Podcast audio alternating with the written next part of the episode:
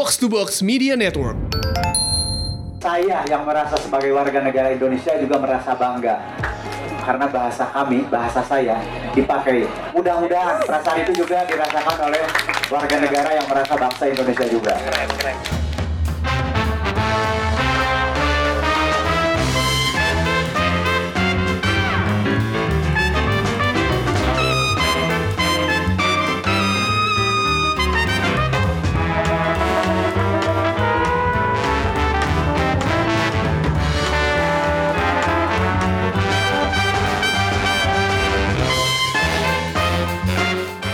Selamat datang di Showbox Podcast. Ada gue Lisa. Gua Angga. Dan gue Amy. Kenapa nggak kaget gitu tadi? Ada John Wick ya, jadi kaget. Kita hari ini ngebahas John Wick chapter 3 Parabellum. Uh, jadi Parabellum. Apa uh, artinya tuh parabellum? Parabellum. Ternyata apa? Be ready for war apa? Kan ada kan artinya di Iya, filmnya. Civis pacem parabellum. Nah. if you if you want Some peace, peace. prepare for war. Ya, pri- intinya John Wick 3 mau siap-siap perang gitu ya. Persiapan Jadi ya. Winter is coming. Eh, jadi setelah kita ngeliat Jon Snow eh, nggak guna di Game of Thrones yang Winter is coming. Masih lo dibahas. Winter is here, John Wick aja deh kalau gitu daripada Kit Harington kita bahas Keanu Reeves. Oke, episode kali ini agak-agak berbeda karena eh, ini sebuah tribute untuk John Wick sebagai franchise karena menurut gue eh, pergerakan franchise ini cukup menarik buat diomongin. Menarik karena eh, ini nanti kita akan jelasin kenapa. Cuman eh, kita di bagian awal ini tentunya akan ngebahas John Wick 1 dan John, dan John Wick 2. Pertanyaannya adalah kalau lo mau nonton John Wick 3, nonton 1 2 dulu nggak sih? Nonton dong. Nah. Iya, iya harus nonton. Harus harus nonton. Karena kalau nggak nonton lo nggak ngerti mitologi yang ditawarkan Iya. oleh universe-nya John Wick Iya. ini, ya kan? Hmm. Jadi ini tuh kayak basically eh, ini udah mulai mirip-mirip agak-agak MCU-an gitu. MC. Ngala-ngala ya, ala-ala Ala-ala. MCU Jadi ala-ala. week first gitu. Nggak soalnya kalau eh, bener juga, maksudnya eh, di sini yang menarik bukan cuma karakter kan. Iya. Kekerasan itu di berbagai film ada, Hmm. tapi yang nggak ada adalah mitologi di balik kekerasan itu. Kenapa Iya. sih assassin ini Hmm. sampai kayak gitu? Kenapa sih si John Wick tuh disebut Oke, sebagai Amanda, boogeyman gitu? Amanda coba jelasin dulu eh, John Wick ini kenapa menarik banget buat dibahas. Oke, eh, ini ya eh, kita kilas balik ke 2014. Asik. Gimana? John Wick- John Wick pertama. Iya, John pertama. ini kayak tolong ya Randy ada bunyi efek ting ding ding kayak balik ke masa lampau. Oke, jadi eh, 2014 tuh eh, gak ada yang nyangka film ini bakal dirilis. Ya. Kalau lo cek, nih gue udah bu- bikin catatan nih, gue Hmm. bikin catatan. Gue waktu itu lagi inget-inget film apa aja sih yang ada di 2014. Exactly. Hmm. Film ini keluar Oktober. Itu bukan Which is not an exciting Iya. slot buat film film- action. Itu kayak kayak basian gitu. Iya, kayak jadi basiannya kayak- summer gitu. itu basiannya summer Heeh. tapi belum masuk uh, award season ya. Iya, belum masuk kayak award season. Antara-antara gitu. Dan anehnya pada saat itu di bulan Oktober 2014 itu ada film-film yang sebenarnya lebih lebih low key, lebih kecil, lebih indie yang bassnya lebih gede daripada John Wick, which is Kill the Messenger, Jeremy Renner sama Inherent Vice. Hmm. Oh, Oke. Kok mereka berdua lebih kedengeran sih daripada John Wick tuh kenapa? Ya. Ternyata ada ceritanya. Ceritanya adalah nih film hampir nggak jadi tayang. Bayangin, studio berapa tuh di Hollywood? Gak ada yang mau nayangin, gak ada yang mau ngedistribusiin. Kenapa menurut lo? Menurut lo kenapa? Ini dijelaskan sebagai eh, adanya keraguan terhadap reputasi Keanu Reeves. Exactly. Bayangin, Keanu Iya. Reeves diragukan loh. Sempat diragukan gara-gara kesalahannya tuh adalah di dua film lain yang dia bintangin, which is 47 Ronin sama Man of Tai Chi. Dua film itu dianggap Flop gagal, flop, dan dianggap eh, ya not a commercial success dan bahkan 47 Ronin itu kan di, dihujat habis-habisan Iya. kan. ya pada saat itu gue sih nik, gue sih nikmatin aja lah, gue nggak ngerti. Tapi Tapi gue ngerti sih waktu itu psikologinya adalah yang eh, ketika John Wick satu keluar itu tuh nggak nggak exciting gitu. iya, Bukan suatu film yang seksi buat lo tonton yang kalau misalnya eh eh lo udah nonton John Wick satu belum kan itu kan nggak Iya, kayak gitu waktu iya, itu iya, iya. nggak nggak kayak eh lo udah nonton Iron Man belum nggak kayak Iya. gitu gitu jadi waktu itu adalah orang tuh udah sering nonton film action dan orang udah sering nonton Uh-uh. Liam Neeson. Liam Neeson di Te- Tekken berapa tuh? Berapa film tuh Ya, Tekken? hitung Itulah aja. pokoknya. ada Mission Impossible juga. Dan dulunya waktu uh, awal-awal 2000 itu ada Jason Bourne. Iya. Yang apa sih cowok-cowok yang jago berantem yang mati semua lah pokoknya kalau sama dia Yeah. gitu.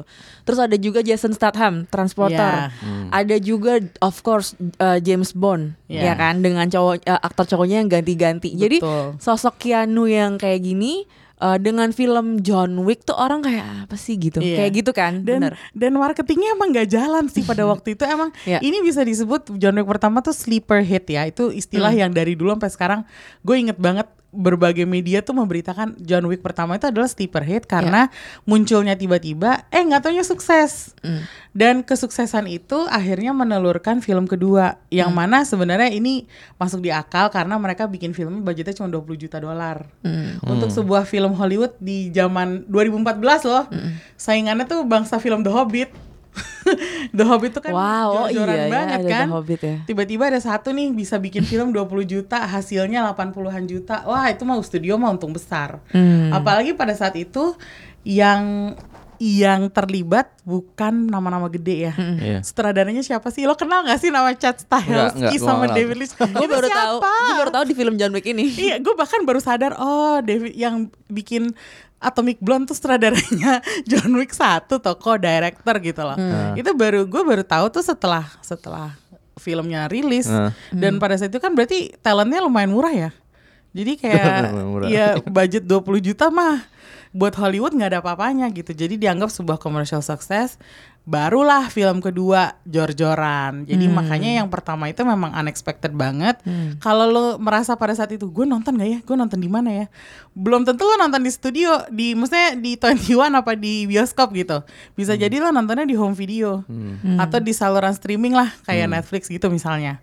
Karena gue inget banget waktu itu banyak orang-orang yang miss gitu. Gue nanya, lo udah nonton John Wick belum? Apa tuh? Iya, iya. itu loh assassin yang anjingnya mati. Hah apa?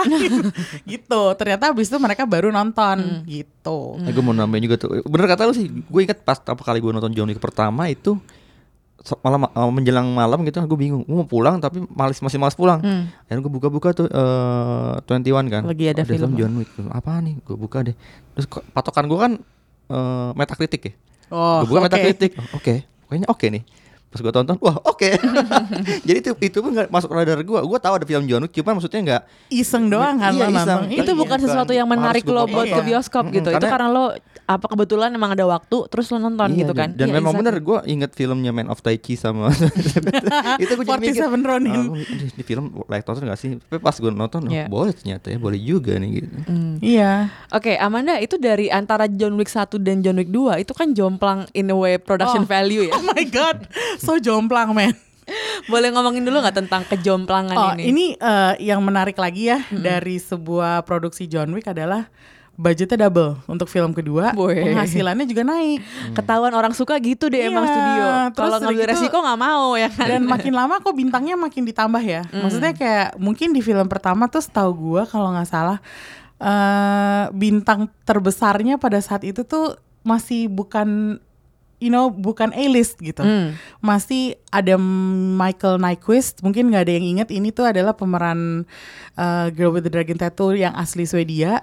Who is he? Nobody knows unless you kecuali kalau lo kayak gue emang sering ngulik film Eropa gitu kan lo tahu siapa aktor itu gitu. Terus ada Alfie Allen yang si Theon Greyjoy pada saat itu juga eh, nama dia juga belum gede-gede amat ya si Alfie gitu. Terus Oh ada itu Tian masih nyebelin. Iya nyebelin.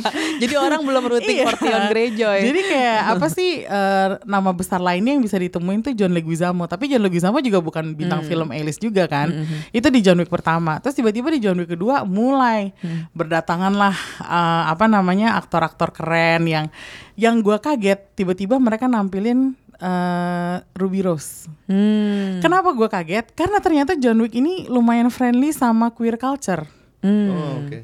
di film ketiga ini jangan salah loh, queer culture-nya lumayan terrepresent di sini karena ada karakter yang kalau nggak salah karakter administrator di film ketiga yang gue pikir tadinya yang main perempuan ternyata yang main laki.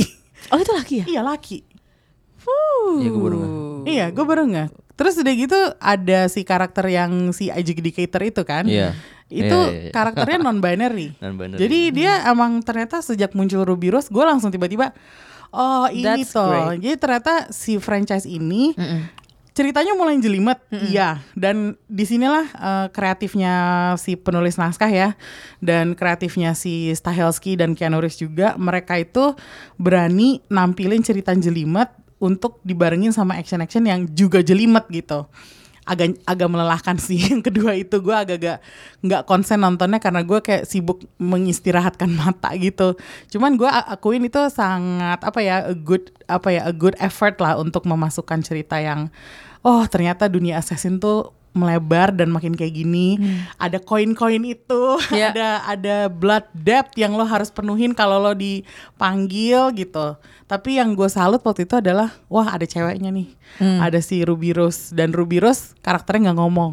Hmm. Dan dia fighting aja dan fightingnya keren. Fighting koreografinya dari film ke film Iya. semakin keren, semakin kompleks.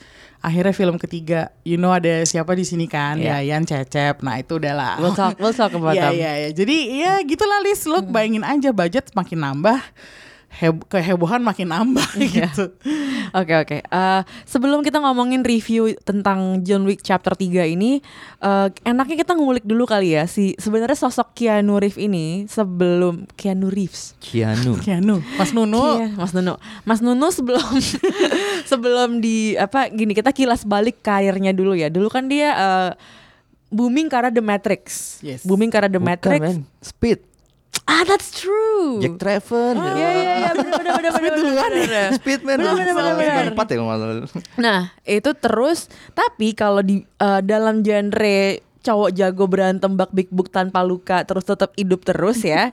Sebenarnya itu udah banyak banget kan? Ya nggak nggak? Udah ada Tom Cruise misalnya yang terkenal selalu melakukan stuntnya sendiri Iya. gitu. Eh, of course Liam Neeson. Siapa sih yang yang dibilang ini tuh kalau gue lihat ya eh, John Wick ini rada-rada kayak Chuck Norrisnya film kan which is tadinya sebenarnya title itu dipegang oleh Liam Neeson gitu. Yang kayak siapa yang berani lo ngambil Liam Neeson eh, ngambil keluarganya Liam Neeson gitu nyulik-nyulik. Nah terus ada juga eh, siapa lagi? Matt Damon di Jason di Jason Born Bourne. Hmm. di Bro- di Bourne Trilo- Trilogy eh, Jason Statham di trans, eh, Transporter. Eh, Daniel Craig yang ya Bond. James Bond terus James Bond banyak lah ya cowok-cowoknya gitu ya Eh, nah ini kalau dibandingin sama cowok-cowok kulit putih ini gimana nggak? Kalau gua Keanu. Kalau gue ngeliat gini, ketika eh franchise ini keluar, gue melihat kalau Keanu Reeves ini akhirnya kembali ke jalur dia semestinya, hmm. Ya itu adalah action, film Ya. action gitu. Karena mau ke mau kita harus melihat juga eh, track record dia di film-film drama itu sebenarnya nggak oke-oke amat gitu kan. Yang paling menonjol, ya selalu menonjol adalah ketika dia main di film action.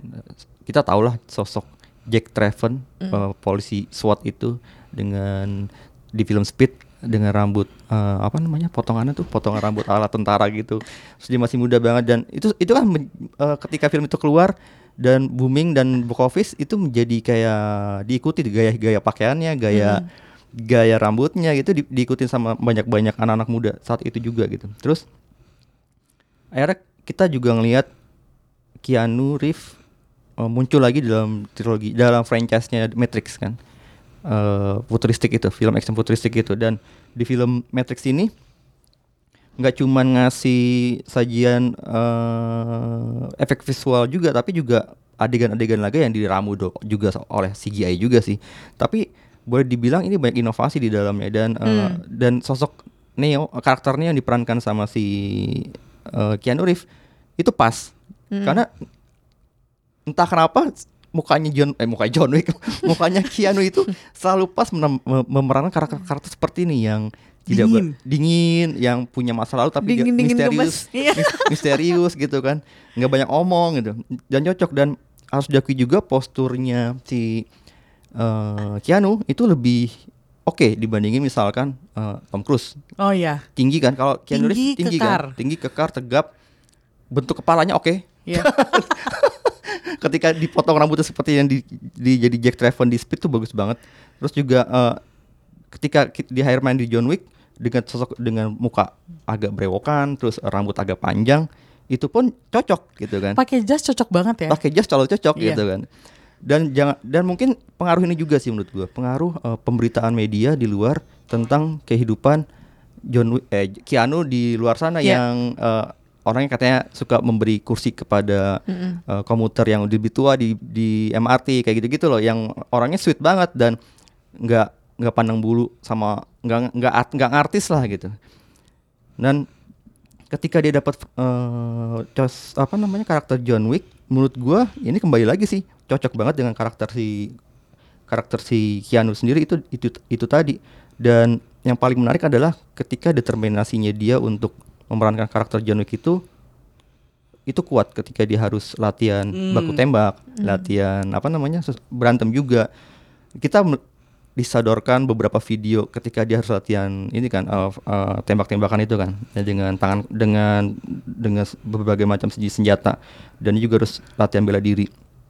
Padahal setahu gue dulu ketika dia main di film eh, tahun tahun berapa ya? Film tentang bela diri juga dia pernah mengaku di dalam satu wawancara dia bilang kalau dia tuh nggak bisa duduk sila lama bersila lama tuh dia nggak bisa. Karena kakinya panjang kan. Ini kan jangkung. Kakinya panjang dia nggak- orang bule aja emang gak ada yang bisa. dan nggak bisa. Tapi ya, ternyata di film ini makin ke sini makin bisa gitu. Dan eh, kemarin gue dapet gue eh, eh, denger wawancaranya Yayan. Ternyata si si siapa? Kang Yayan bilang kalau Keanu itu bisa kok ngikutin gerakan silat dengan cepat belajarnya gitu. Berarti ada determinasi untuk belajar untuk eh, mem- memerankan dan mendalami karakter dengan kuat gitu nggak kalah dengan Tom Cruise gitu yang gila-gilaan juga gitu. Umurnya sama tuh umurnya udah setengah abad. Cuman kualitas eh, fisiknya nggak bisa nggak nggak menurun juga gitu. Jadi menurut gua acting di Keanu sebagai aktor raga memang lebih pas gitu dibandingin tapi dibandingin dengan dia sebagai aktor-aktor drama. Kalau dibandingkan dengan misalnya Liam Neeson di Taken atau di film terakhir apa tuh? Cold Pursuit ya. Si Keanu ini mungkin bisa disetarakan dengan Liam Neeson menurut gua ya.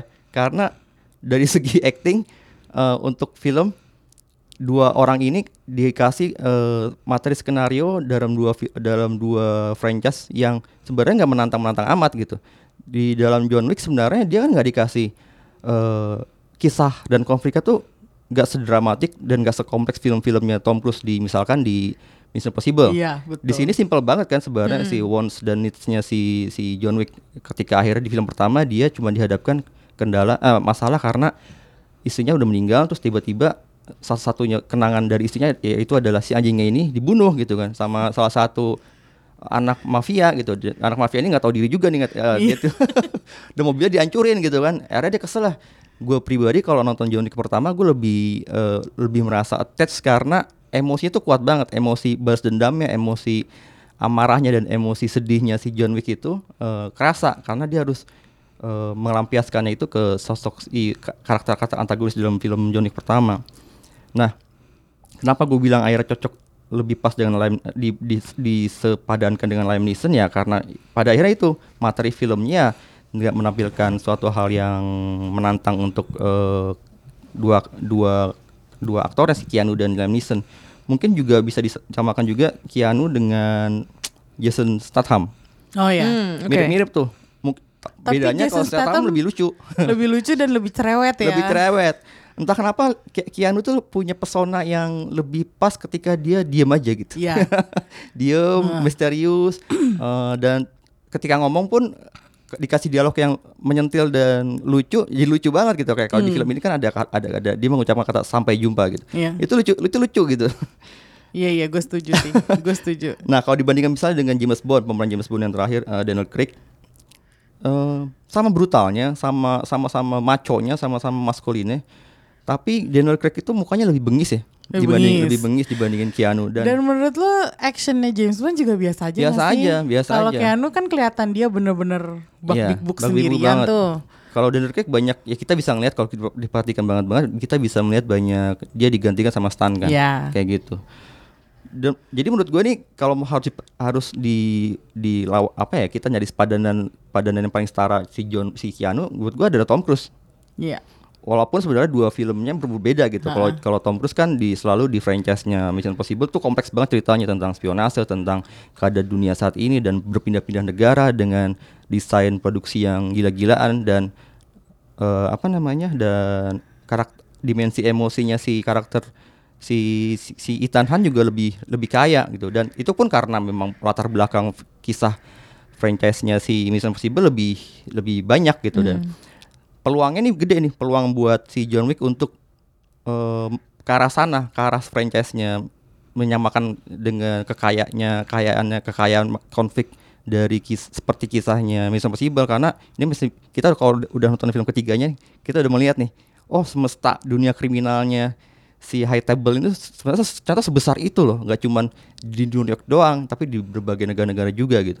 Jadi eh, sebenarnya kalau kalau mau dibanding-bandingin tadi gue bilang lawan utamanya setara dengan si John Wick adalah si Ethan Hunt-nya si Tom Cruise. Cuma memang harus gue akuin akhirnya dari segi kualitas acting menurut gue ya masih bagusan Tom Cruise. Iya gak sih?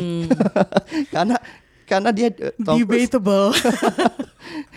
kalau John Wick itu gue mengharapkan di film ketiga, film keempatnya nanti dia harus eh, mendapatkan skenario yang paling enggak menantang si John Wick nggak cuman eh, eh, mengeluarkan mengeluarkan ekspresi-ekspresi yang dingin tapi juga harus punya eh, seperti di film pertamanya ada ada Oh, iya. dia merasakan emosi-emosi yang dulu dia merasakan di masa lalu ketika dia sama istrinya dan itu nggak ada di film kedua ketiga kan di film kedua ketiga purely tentang eh, gimana dia balas dendam itu doang dan gimana dia mem- di- gimana dia cuman eh, bertahan hidup dari serangan-serangan para pembunuh-pembunuh yang mengincar hi- hidupnya karena dia udah melawan banyak aturan kayak gitu.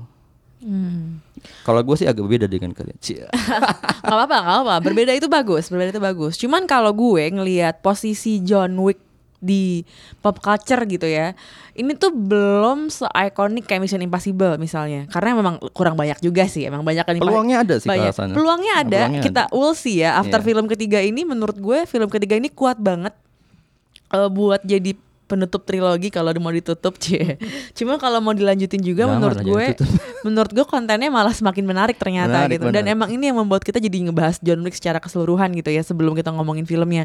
Eh, tapi em, mungkin kalau dibandingin film-film Taken bagusan John Wick Iyalah. Iya. Iya ke mana-mana ke mana-mana karena lebih kaya mitologinya gitu. Masalahnya Taken ngulang sih. Iya, Taken- betul. Formula Taken banget ya. Berikutnya Iya, gitu lagi ya. Gitu Formula lagi banget. ada lagi yang diculik dia harus nanganin masalah itu dan you know. Iya. Tapi kalau yang John Wick ini kan seperti Angga bilang tadi, semakin ke sini semestanya dia tuh makin terbuka dan kita makin ngelihat dalamnya tuh gimana kompleksnya kompleks dunia itu ternyata. tuh ternyata makin ke sini makin kok lo bahas cuma sampai situ doang sih ayo dong lebih lagi Iya, iya, gitu kita pengen lebih gitu. Iya. Oke, eh iya jadi kira-kira kayak gitu eh kita langsung bahas aja kali ya nih karena udah 20 menit nih, langsung kita ngomongin film John Wick 3.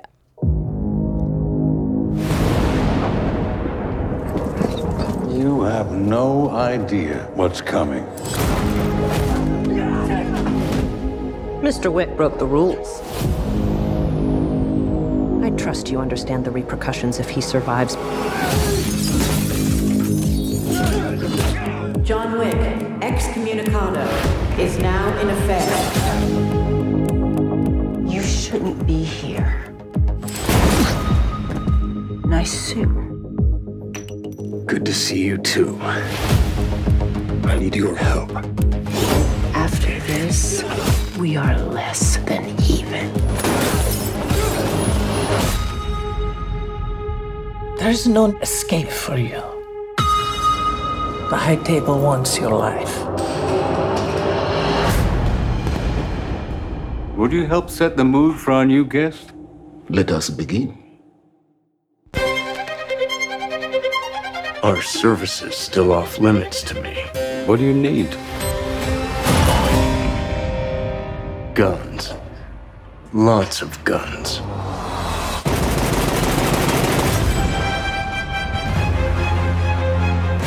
Think you can take John Wick? You've got a nasty surprise coming. I've been looking forward to meeting you for a long time. And so far, you haven't disappointed. We can keep this up as long as you'd like but this only ends one way.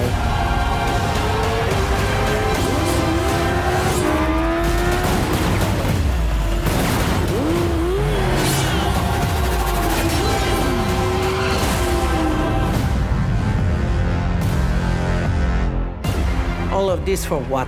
Because of a puppy? Wasn't just a puppy.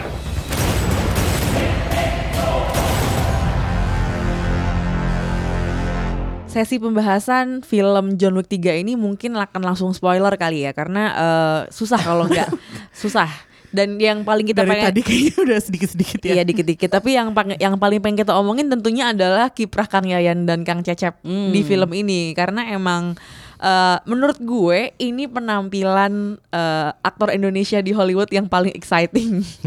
Yes. yang paling exciting karena pertama mereka memakai bahasa sendiri, nggak Iya. disuruh pakai bahasa Inggris yang aneh-aneh Iya, gitu yang iya. bikin terkesan kaku atau terkesan nggak natural. Heeh. Jadi sesuai dengan mimik muka, dengan dengan eh, body language-nya, dengan pokoknya semuanya pas gitu ya. Ketika emang sih kelihatan jadi kebanting banget ya Kang Yayan yang pendek gitu dibandingin sama Keanu Reeves yang Tinggi banget. bongsor banget gitu cuman pas berantem tetep Iya. ya kan on par on par Hmm. banget gitu jadi eh, dan itu adalah maksud gue gue ngerasa John Wick ini kan sebenarnya film action ya tapi tuh bagian itu tuh lucu banget Hmm, jadi kayak do- kayak waktu gue nonton sih satu biasa gue Tawa, ketawa-ketawa sama. semua kayak juga ketawa. "Wah, ketawa-ketawa Sama, sama, semua sama. jadi itu suatu excitement yang yang baru kali ini gue saksiin sih buat ya lo nonton aktor film Indonesia sebelumnya kan ada Star Wars Ada Mile 20 itu juga ada. Mile 20 itu bos Fast and Furious. Fast and Furious. Ah, itu keren sih. Itu keren, itu keren. Joe Taslim di situ mereka. keren. Iya, Tapi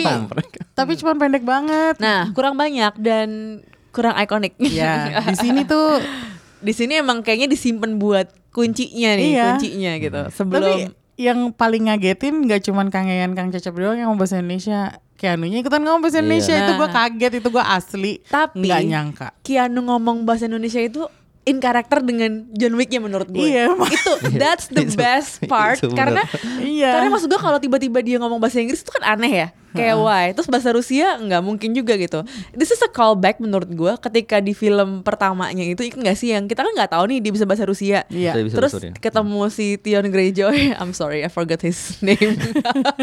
Eh, gue juga lupa namanya.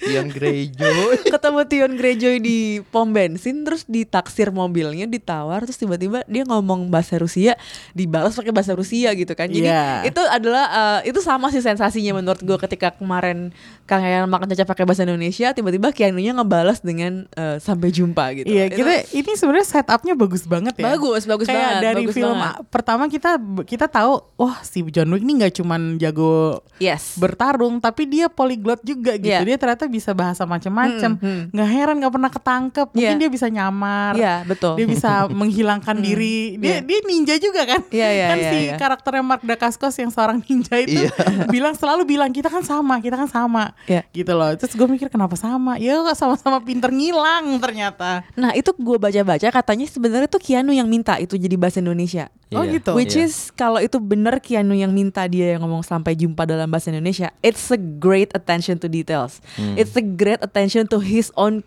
arc, his own character. Karena dia jadi benar-benar perhatiin karakter gue nggak mungkin nih tiba-tiba Oh. ngomongnya bahasa Inggris ini ya atau bahasa sa- apa gitu. satu hal lagi yang kalau menurut gue dari sejak John Wick pertama Hmm. eh, yang baru ketahuan tentang Keanu Reeves adalah Hmm. ternyata dia tuh bisa loh eh, turut membangun karakter dan cerita dunianya ini gitu Iya.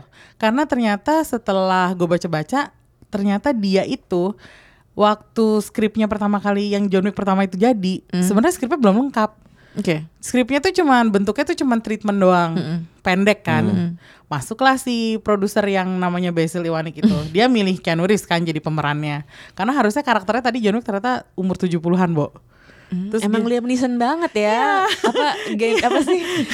Circle geng-gengnya gitu. Iya, terus tiba-tiba si Basil Iwanik bilang, kenapa nggak Keanu Reeves saja? Di kepala gue karakternya cocok banget nih buat Keanu. Iya. Keanu masuk, dia bantuin si penulis naskahnya, si Derek Korstad itu untuk membangun karakter John Wick. Jadi Iya. dari awal dia emang udah, ini udah anak dia banget deh. Kayak gue rasa sih kayaknya bisa dibilang John Wick itu ya Keanu. He is Keanu gitu. Jadi kalau dia minta dialog dalam bahasa apa bahasa apa misalnya dia menentukan gue harus ngomong ini ngomong ini gue sih percaya banget. Kayak itu pasti dia udah tahu banget karakternya tuh ber- bertindak tuh seperti apa berperilaku seperti apa. Itu kelihatan banget dari involvement dia yang segitunya sampai dia bisa nge-hire mantan stunt coordinatornya dia di The Matrix untuk jadi sutradaranya gitu loh. Dan dia peran dia tuh gede banget di sini di John Wick ini ya. Ya. John Wick is Keanu Reeves kalau menurut gue. Iya, iya bener. Gue sepakat sih. Eh, dua tahun sebelum John Wick keluar ada film judulnya Jack Reacher ingat gak? Oh, Oh my god. my God. So, ya gue inget sekarang. iya sekarang gue inget nggak No thank thanks you to ya. Angga.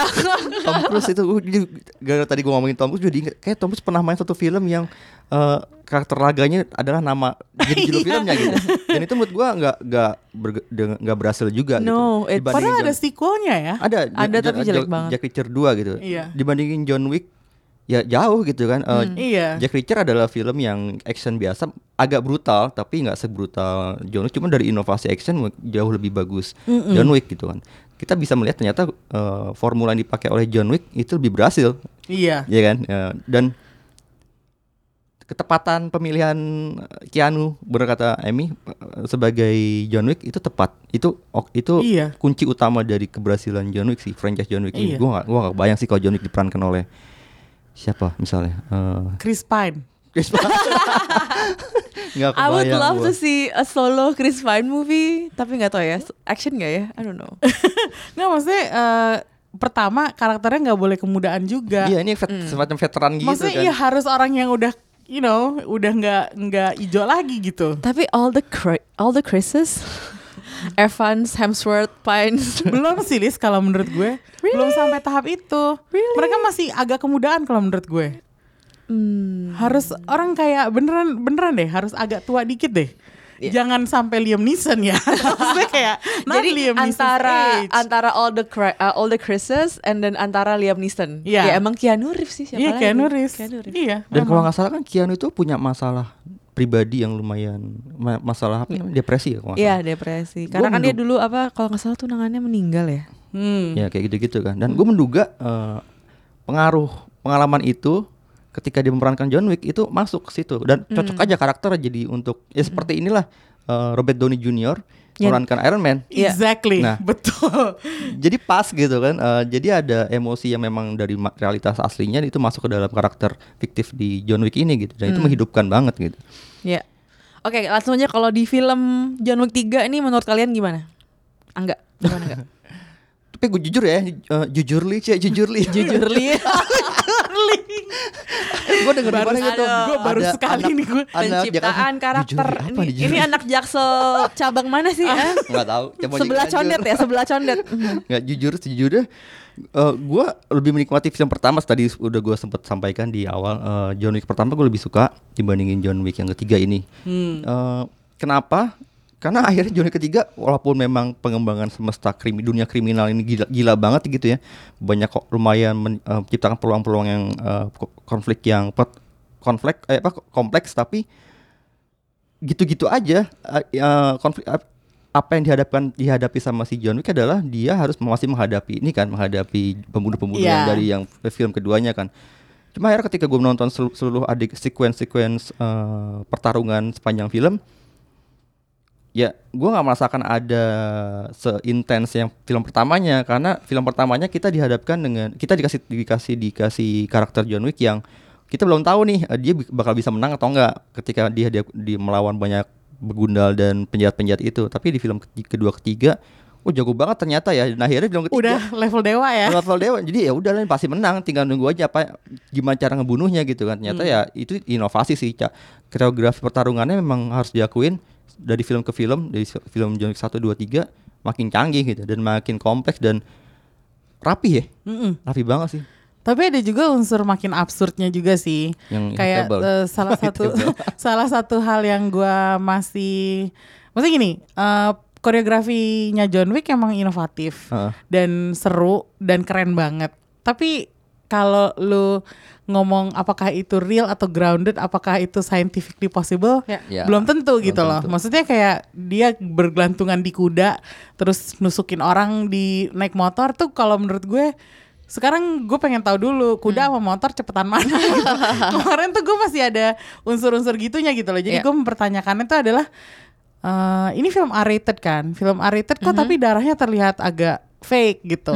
Jadi Hmm. eh, ini tuh sebenarnya eh arah itu tuh mau dibawa ke mana karena kalau menurut gue ininya ini jadi efeknya tuh kayak level actionnya tuh level action yang masih video game gitu loh jadi bukan yang kayak eh, bandingin Game of Thrones lagi ya.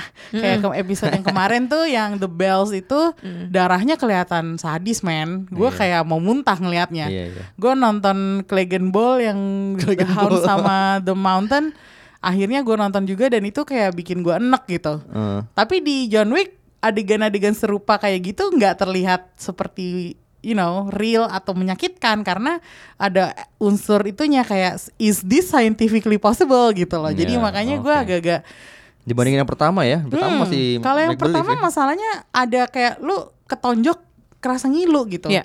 Di sini tuh kayak udah nggak kerasa ngilu. Mungkin saking cepetnya juga kali ya. Hmm. Jadi gue ngerasa kayak di sini tuh coba deh ada ada ingat gak sih di John Wick 3 ini ada adegan kuda nendang orang berapa kali tuh tiga Iya. kali.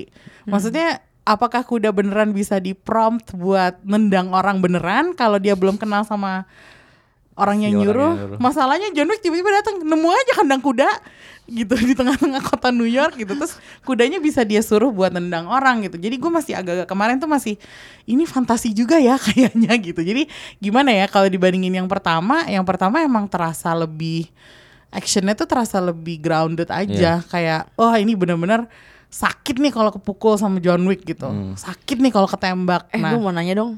Menurut kalian John Wick eh, film action di film John John Wick kayak gini, kan kita bilang ini inventif ya, inovatif lah dalam dari segi genre film action gitu ya. Berarti memang nggak pernah kelihatan di film-film action sebelumnya. iya itu sih sih. Hollywood ya, Hollywood Iya. ya. Terus the fact that mereka bawa Yayan nama Cecep, Hmm, berarti mereka udah nonton The Raid dong. iya Ada nggak sih pengaruh The Raid di ini? Karena gue ngelihat adegan-adegan yang tembak yang benar-benar ditembak-tembakin itu Itu the red sebenarnya. Iya kan? Iya, banget. itu jelas Gua- banget Tapi gue sih. nggak bisa mendapatkan validasi kalau itu mereka ngambil dari The Raid gitu. Cuman kalau gue ngelihat this really look like The Raid gitu kayak. menurut kalian gimana? Pertarungan jarak dekatnya itu baik Iya, dengan yang senjata senjata bener-bener atau enggak senjata. langsung di door di Iya. kepala dek dek dek gitu kan? Itu kan sangat The Raid banget Iya. gitu. Kayak emang ya nggak tahu. Menurut kalian itu itu ngaruh gak sih? Satu hal yang gue perhatiin kalau dari The Raid pertama ya, yang action yang ini, eh kan dia ada dua tingkat ya di yang ruangan kaca itu. Hmm. Cara dia menggunakan ruang tuh sama kayak Garrett menggunakan ruang di The Raid kalau menurut gue. Dia di cukup- bagian mana itu? Gimana? Di bagian ruang-ruang kaca itu memang nggak persis adegannya, cuman Hmm. dari cara dia, oh terus ntar dia jatuh, terus dari atas dia jatuh ke bawah, Ya. terus habis itu mereka berantem lagi di situ, terus ntar jatuh lagi. Nah itu tuh kayak waktu di adegan tangganya The Raid Iya. Si Garrett lumayan invent, eh, inovatif meng- menggunakan ruang itu di mana ada celah di tengah, Heeh. terus orang-orangnya dia bikin jatuh-jatuhan gitu. Ada sih unsur-unsur itunya, tapi yang jelas banget sih one on one-nya, close contact-nya ya. Iya, jarak dekat. Heeh, jarak dekatnya itu eh Mad Dog versus Sersan Jaka banget sih itu. Kalau yang gue perhatikan ininya sih sound design. Sound design dalam film-film John Wick itu memang mau nggak mau mengingatkan gue dengan sound design film-film eh dua film The Raid. Eh, ketika kita lihat bunyi patah tulang, krak, Ya. Oh iya. bunyi bunyi daging terkoyak sama senjata tajam itu kan sadis banget. Gue kemarin mempraktik eh, mencoba nguji di dalam bioskop ketika itu kan semua sequence banyak banget banyak banget tuh. gue akhirnya saking gue mulai masa bosan gue tutup mata nih. Iya. tutup mata tetap merasa te- merasa ngilunya masih ada dapat dapat sedikit lah gitu. Karena pengaruh sound eff- sound design dalam film ini lumayan kenc- lumayan besar. Dan itu ya apakah itu juga eh, pengaruh dari The Raid? Ya sedikit banyak gue sih yakin ada pengaruhnya gitu. Kita The pernah Raid pertama sound desainnya emang bagus banget sih. Soalnya gue inget film Captain America yang Winter Soldier atau Iya, yang- Winter Soldier. itu kan jelas-jelas mereka terinspirasi bikin pertarungannya gara-gara dari satu dan dua Iya. Jadi sebenarnya nggak kalau misalnya ternyata ada kita menduga di film John Wick 3 ini atau 1 2 3 ini memang ada pengaruh dari The Raid, ya nggak salah juga karena emang pengaruh The Raid juga lumayan gede gitu. Gitu. Dan satu hal lagi ada satu adegan eh, adegan action dalam film John Wick 3 yang ketika dia naik motor si dan kejar-kejar naik motor dan bertarung di atas motor itu itu mirip banget dengan film Korea judulnya The Violinist eh, tahun 2017 sama eh, si tokoh perempuan ini dikejar-kejar sama banyak penjahat naik motor dan berantem pakai pedang. Tapi di film Violence ini lebih panjang durasinya karena kamera lebih dinamis dan lebih sadis gitu. Kalau kalau di film John Wick 3 lebih pendek. Cuman emang eh, dari segi special effect eh, gimana motor itu terlempar itu lebih realistis sih kalau di film ini. Tapi ini mirip banget. Jadi mungkin ada referensi ke arah sana, mungkin mungkin iya mungkin enggak. Tapi gue sih pas nonton langsung inget adegan itu karena mirip Good banget. catch Angga. Gitu. Untung gue nonton sih. nah, jadi maksud gue ini menarik sih. Berarti film John Wick ini cukup bisa mengadopsi uh, elemen-elemen film dari Asia ya. Hmm. Men- menurut gue dari tetap film Asia. Iya. Maupun yang bikin Gareth orang bule, Iya orang iya Inggris. sih. Ya kan? Iya, Karena Asia. aktornya Asia, ceritanya semuanya gitu. Gaya tut- gaya bertarungnya yang bikin Bertarung. orang Indonesia Nah ya. itu makanya Nah itu maksudnya berarti mereka sudah mulai melirik gini ya Kayak kalau film-film yang lain kan sebenarnya nggak segitunya banget Untuk Hmm. mengadopsi uh, elemen-elemen film action dari Asia kan Paling dikit doang yang diambil Terus emang lebih mengutamakan senjata Dan apa sih teknologi canggih segala macam gitu kan John Wick enggak kan It- ma- Makanya ini film dinamis banget dan enak banget buat ditonton gitu enak banget ya. Enak banget sih gue kayak emang menikmati action Iya sih. Emang beneran action yang bule yang enak ditonton ya John Wick menurut Iya, gue iya. Uh, nah, tapi kalau kita ngomongin mitologinya nih si Baba Yaga apa segala macam, menurut kalian gimana? Dengan sudah nonton uh, yang ketiga nih ya. Oh, itu eh, kemarin gue berkomentar sama temen gue, wah John Wick 3 nih agak-agak Red Sparrow nih. Karena ada sekolah School for Assassins gitu, Iya. yang di mana di situ diajarin balet. Terus udah gitu, itu gila ya. Itu maksud gue the fact that mereka kepikiran buat Iya. naro balet itu kan uh, very feminine, soft, tender, such a apa kontrasnya bagus banget di jadi kayak ketika sepanjang film lo udah bug big book segala macam berdarah ditendang digigit anjing apalah gue nggak ngerti lagi gitu ya Uh, we need to talk about the dogs by the way. Uh, tapi tiba-tiba ada dikasih kontras orang-orang lagi pada latihan balet tuh menurut gue itu indah banget sih. Nggak tahu Iya. kenapa gue bagian itu yang kayak wah it's quite dan poetic. dan ini eh, kalau menurut gue sesuatu yang lagi-lagi Hmm. gue nggak sangka bakal dapat di John Wick. Karena eh, kalau kita ngomongin soal dunia assassin ya, gue nggak akan. Oke, kita di film kedua udah dapat se- glimpse of dunia assassin yang high table itu Eh, dan koin-koin itu penggunaannya. Terus kemarin di John Wick 3 gue bahkan lebih terkesima lagi ngeliat ternyata nggak cuman koin, tapi ada juga tiket. Tiket tuh apa? Salib loh. Rosario ditukar balik ternyata itu adalah tiketnya dan Iya. kalau lo mau nebus tiket lo lo harus di brand dulu lo harus Iya. di kayak dicap pakai Kayak main apa? game ya. Oh my god. iya. Terus udah gitu kayak s- apa gue punya perasaan di sini tuh semua orang tuh kesel sama si John Wick. kayak lu ngapain sih John gitu kayak udah lu terima nasib aja. Udah pensiun juga. Iya gitu. Dan Iya. apa sih ini tuh sesuatu yang They killed his dog though, so and stole his car. jadi kayak apa sih? Poor John. Jadi kayak semua orang tuh udah udah kayak udah gusar gitu ya sama dia. Ya dari gu- mantan mentornya si Angelica Houston kan, Hmm. si Winston yang pemilik Continental tuh Halle Berry sebagai Iya. teman lamanya itu semua gusar sama dia gitu loh dan High jadi table juga sebel. sama dia. Mm, terus jadi gue gue makin lama makin penasaran sebenarnya tuh dia tuh dulu seheboh apa sih sampai kayaknya kita perlu prequel nih. Kalau film ya. keempat mungkin harus, ada Harus. harus ada kalau Angga bilang tadi semoga eh, film keempat menantang Keanu Reeves se- secara acting ya mungkin bisa dapat skenario yang lebih mendalam gitu. Tulislah itu bagaimana dia ketemu sama istrinya. Iya, yang Sama- akhirnya dia mutusin untuk pensiun iya, kan. itu gue penasaran banget. Justru Itu- dengan nonton film ketiga itu gue makin penasaran dengan masa lalu si John Wick. Gitu. Dan itu memang yang sengaja kayak di keep gak sih dari awal? kita agak sih. We don't know about Cuma John Wick dari awal loh dari film pertamanya kayak cuma dibilangin Eh, cerita aja jadi cuma dialog. jadi John Wick tuh dibikin kayak mitologi gitu Iya. kayak oh it's a boogeyman kayak Iya, iya, iya. he's the man you sent to Iya, kill iya, the iya. boogeyman kayak he's such a apa ya kayak sesuatu yang disakralkan yang orang Iya. nggak boleh langgar gitu Iya, jadi iya. I don't know Kita gimana dialognya sih itu dong. Ingat dialognya si Cecep sama si Kang Yayan sama Cecep. Iya, iya, iya. Tetap saja dia kan John Wick. Harusnya pensiun lima tahun lalu. dia makin lambat Aduh, itu lucu sih. Tapi eh, soal tadi balet-balet eh, kontras-kontras di dalam film ini itu menarik karena kita jarang lihat kekerasan di di estetik kan. Jadi kekerasan yang Iya. estetik gitu kan. Iya, iya. Dan di film ini banyak banget eh, dengan dikasih musik eh, musik background yang lumayan apa tuh eh, agak klasik. Lalu juga gimana kamera juga lebih banyak menangkap ka- eh, cahaya-cahaya yang yang eh, terkesan apa ya? shadow shadow gitu. Jadi memang ini filmnya kan neo noir ya, kayak masuk Iya. genre neo noir dan itu dapat banget sih. Dan ketika di, dihadap di, di, di, dihadapkan dengan karakter John Wick ini dengan gaya pertarungan seperti ini, ini sebuah sajian yang apa ya, sebuah suguhan yang sadis, brutal tapi juga Memikat. tadi kata-kata Lisa enak apa lu bilang Enak dilihat. enak dilihat padahal sadis gitu Karena ada koreografinya kan. Karena ada koreografinya Berantemnya, nggak cuman tembak-tembakan doang gitu. Nah ini yang tadi lo pengen ngomongin Liz, si Iya. anjing-anjing itu, itu juga salah satu hal yang Oh my god, agak yes. beda ya dari Yeah. film-film lain. It's Kan actually a Gimana? key element in Iya. John Wick itu anjingnya kalau di film-film lain eh, orang banyak main sama gadget, Sama senjata. Mm-mm. Di John Wick ada sih unsur itunya. Hmm. Di film kedua kita lihat vaultnya itu senjatanya macem-macem. Di Iya. sini juga ada kan adegan di mana dia milih senjata gitu. Itu kayak udah jadi Itu menarik banget loh Itu ciri khas milih. John Wick banget gak sih kayak masuk ke Tadi sebuah ruangan banget, yang kayak- milih senjata Iya, iya. gitu. Terus eh, apa yang dia bilang suitnya tuh bajunya tuh dari Kevlar yang Iya. udah kayak nggak bisa ditembus peluru gitu kan.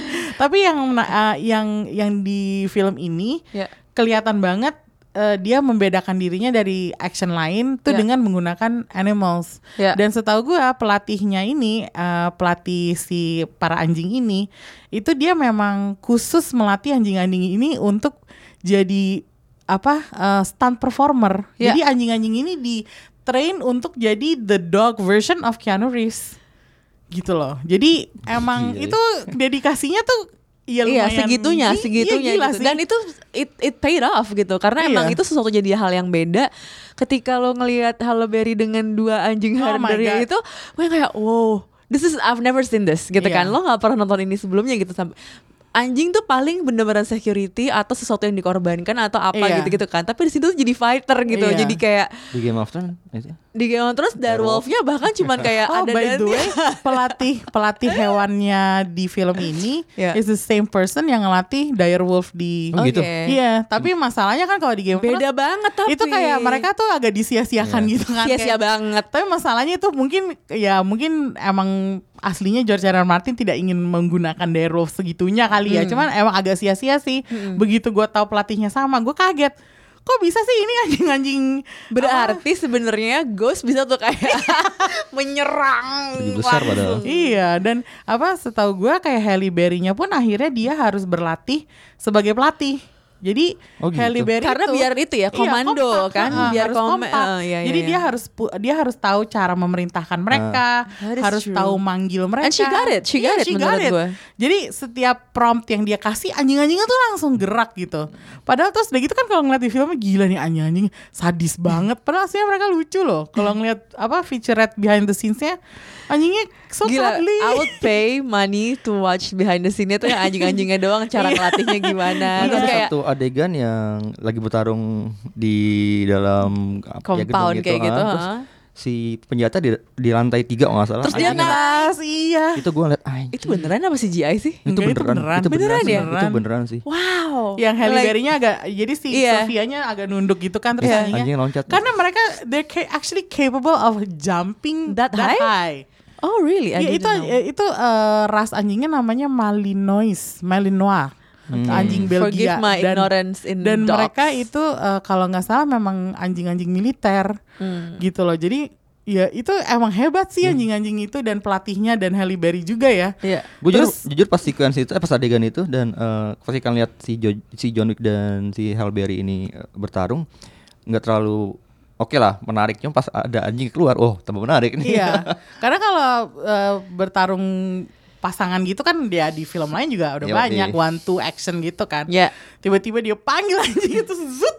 Hah, itu keren banget. Itu satu biasa tuh kayak "Ew, ew, ew," Iya terus anjing-anjingnya tuh kayak selalu going for the Iya. ini ke kemaluan gitu kan. Ya. Jadi kayak langsung di koyak gitu. Iya, Wah iya, kasihan Serbron. ada serbron. Oh iya. Terus udah gitu ada dialog lucu juga di situ nggak? Yang apa sih? gimana? Apa yang si Halle Berry yang kayak they shot my dog. Terus si John Wicknya trust me I I know. know. itu kayak kayak Chris Evans lawan Chris Evans di eh, Avengers Endgame. I know. itu lucu tuh humornya di situ. Nah, Ada- humor-humor gitu lucu sih, humor dalam itu Wick. seger banget, seger Iya. banget, seger banget. Heeh. Iya sama kayak itu kan tetap ini John Wick. Iya memang di sini nggak tahu kenapa mungkin improv kali ya. Improv gak sih? Ah. Terasa improv gak? nggak tahu sih I tapi kalau ngelihat dialognya mungkin awal pasti bahasa Inggris kan cuman diucapkan pakai bahasa Indonesia ketika udah ada si gimana mungkin si Kang Yayan sama Kang eh, Cecep diminta untuk gimana cara melafalkan ini dengan bahasa Indonesia yang lebih enak gitu Atau ya ya bisa jadi di Bisa ini gitu. skrip lo bahasa Inggris langsung Coba aja lo Misalnya Indonesiain. gini gimana enaknya gitu menarik sih. Ada catatan lain nggak nggak the film John Wick 3 ini?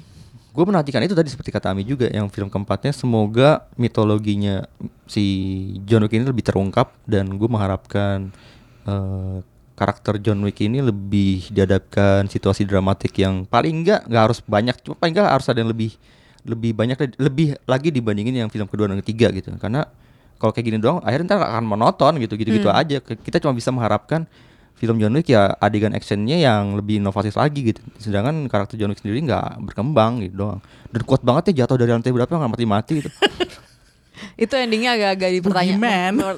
Mempertanyakan sih. ha, ah, Itu kan ditembak, gimana? Iya, jatuh. Iya. iya. Ah, mungkin dia pakai peluru, I don't know. I don't know. Jasnya sakti. Ya, itu dia mitologinya itu bener kata Lisa juga Gitu. Eh, Harus Emmy? terungkap.